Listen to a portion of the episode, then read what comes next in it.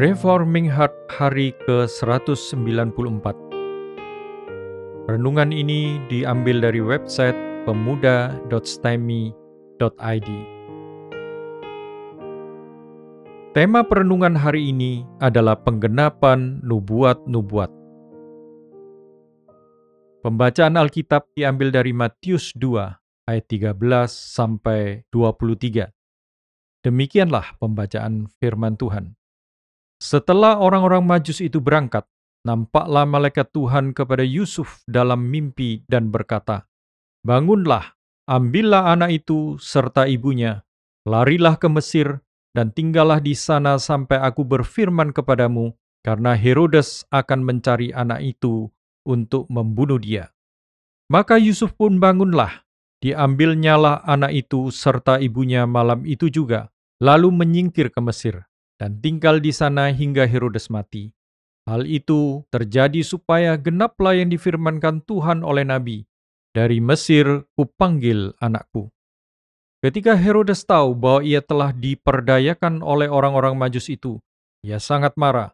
Lalu ia menyuruh membunuh semua anak di Bethlehem dan sekitarnya, yaitu anak-anak yang berumur dua tahun ke bawah, sesuai dengan waktu yang dapat diketahui dari orang-orang Majus itu. Dengan demikian, genaplah firman yang disampaikan oleh Nabi Yeremia. Terdengarlah suara di Rama, tangis dan ratap yang amat sedih. Rahel menangisi anak-anaknya, dan ia tidak mau dihibur, sebab mereka tidak ada lagi. Setelah Herodes mati, nampaklah malaikat Tuhan kepada Yusuf dalam mimpi di Mesir katanya, Bangunlah, ambillah anak itu serta ibunya, dan berangkatlah ke tanah Israel, karena mereka yang hendak membunuh anak itu sudah mati. Lalu Yusuf pun bangunlah, diambilnya anak itu serta ibunya, dan pergi ke tanah Israel. Tetapi setelah didengarnya bahwa Arkelaus menjadi raja di Yudea, menggantikan Herodes ayahnya, ia takut ke sana. Karena dinasehati di dalam mimpi, pergilah Yusuf ke daerah Galilea.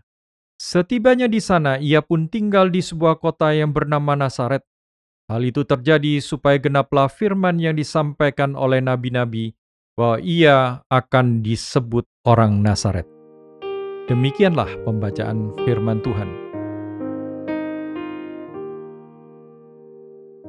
Bagian hari ini memberitakan tentang kisah-kisah setelah kelahiran Kristus. Matius dengan teliti menyusunnya dan melihat bahwa di dalam setiap peristiwa itu ada penggenapan terhadap nubuat atau perkataan di dalam perjanjian lama.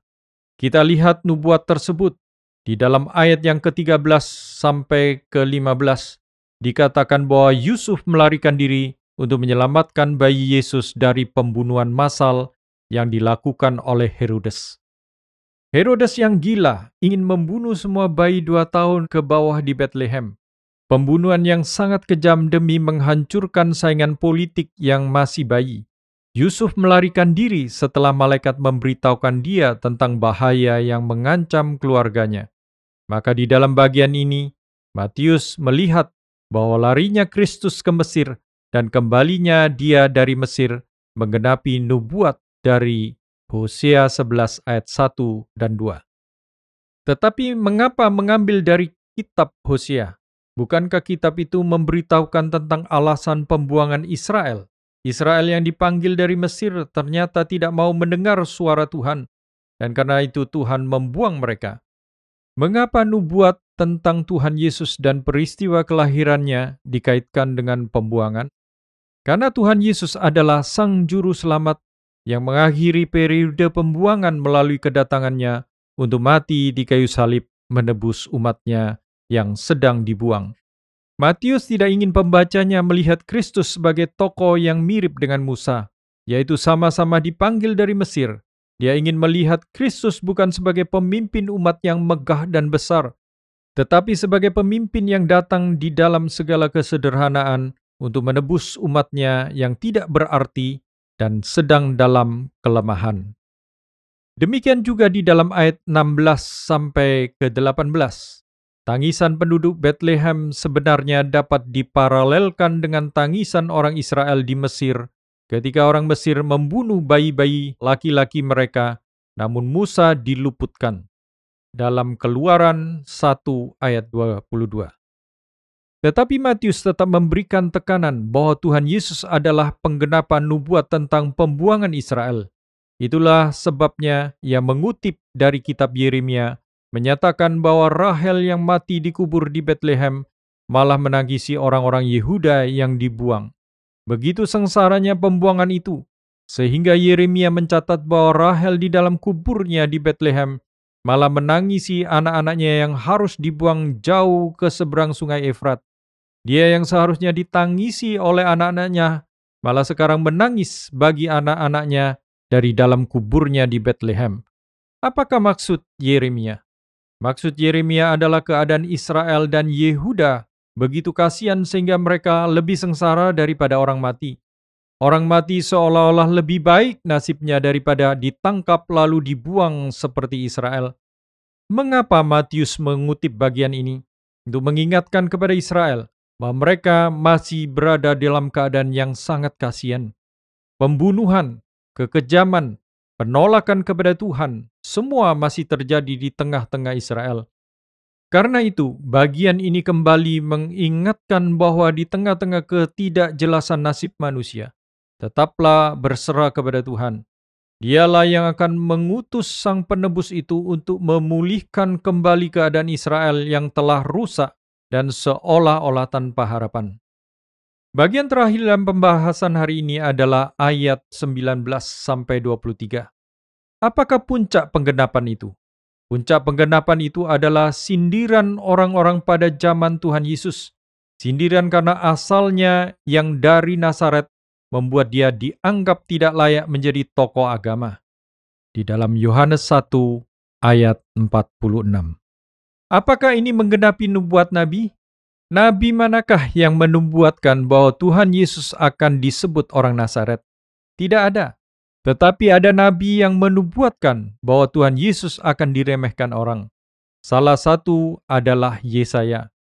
Di dalam Yesaya 53 ayat 2 dan 3 dikatakan bahwa Tuhan Yesus tidak dianggap dan bahkan digolongkan kepada golongan orang-orang yang hina pada zaman itu. Inilah sebenarnya puncak dari pernyataan Matius.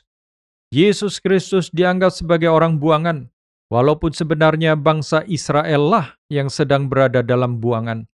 Tetapi ini yang ironis, orang-orang yang sebenarnya sedang dalam keadaan dibuang justru menghina Tuhan Yesus sebagai orang buangan. Inilah dosa besar umat Tuhan. Ketika Tuhan Yesus rela merendahkan dirinya untuk mengalami keadaan rendah dari umatnya, dia malah direndahkan oleh umatnya sendiri hanya karena asalnya dari Nazaret.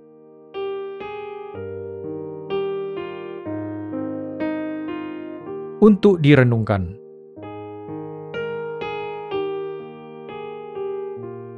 hanya dalam tahun pertama kelahiran Tuhan Yesus, bahkan sebelum dia mencapai usia dua tahun, Orang-orang Israel sudah ingin membunuh dia. Herodes ingin membunuh dia, dan orang-orang Israel menghina dia. Keadaan bangsa Israel yang demikian rusak tidak juga disadari oleh mereka. Mereka gagal menerima Tuhan mereka yang sedang mengunjungi mereka.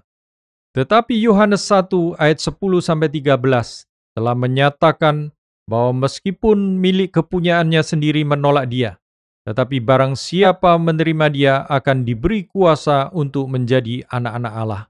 Betapa mengerikan keadaan manusia di bumi ini. Kita bukan hanya berani berdosa, tetapi kita bahkan berani menghina satu-satunya jalan keselamatan yang ditawarkan Allah untuk mendamaikan kita dengan Dia. Tanpa disadari, orang-orang Kristen bisa melakukan kesalahan yang sama dengan umat Israel pada waktu kedatangan Tuhan Yesus. Kita dapat menjalani hidup yang tanpa Kristus, walaupun agama di dalam kartu identitas kita menyatakan bahwa kita beragama Kristen. Kita menolak Dia, kita menganggap bahwa hidup yang identik dengan Dia adalah kehinaan. Kita menolak untuk memikul salib kita. Kita ingin juru selamat yang bisa diatur, kita menolak untuk tunduk kepada Tuhan Yesus. Kita lebih memilih untuk menentukan sendiri di mana firman Tuhan yang cocok untuk kita. Kita berkali-kali menghina dia, kita menghina dia dengan mengabaikan dia di dalam hidup kita. Betapa beraninya kita berdosa kepada raja di atas segala raja. Sebaliknya, betapa sabarnya sang raja di atas segala raja dalam menyatakan keadilan dan bimbingannya kepada kita semua. Tuhan Yesus datang dengan kerelaan untuk menjadi rendah. Rela menanggung kehinaan dan derita untuk mengidentikan dirinya yang walaupun adalah pencipta segala sesuatu, tetapi rela mengalami segala hal yang dialami manusia ciptaannya. Tetapi bukan hanya untuk mengidentikan dirinya dengan ciptaannya, dia juga datang untuk menebus umatnya.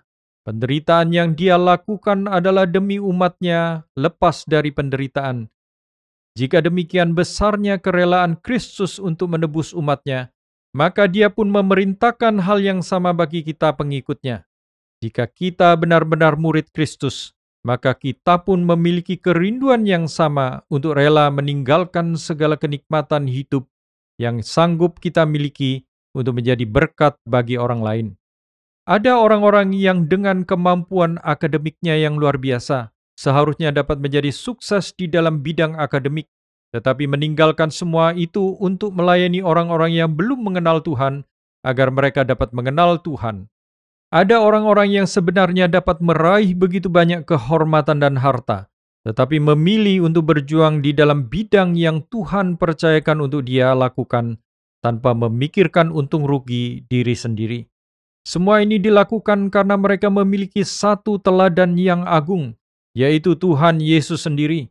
Dia yang disembah sujud para malaikat, rela dihina dengan kasar oleh manusia berdosa yang hina. Kedatangan Kristus pada saat Israel sedang dalam keadaan yang sangat kasihan juga memberikan kekuatan bagi kita untuk terus mengharapkan pertolongan dan penyertaannya di dalam hidup kita. Bahkan dalam keadaan yang sangat hina pun, Tuhan tidak menghina kita. Bukan hanya Dia tidak menghina kita, Dia juga rela mengalami apa yang sedang kita rasakan. Dia rela menyertai kita di dalam keadaan yang paling hina sekalipun. Tetapi penyertaannya adalah penyertaan untuk menuntun, bahkan menarik kita keluar dari keadaan cemar dan kembali kepada keadaan yang dikuduskan bagi Allah. Sama seperti pengorbanannya juga adalah pengorbanan karena dia menguduskan dirinya bagi Bapaknya di surga. Mari kita berdoa.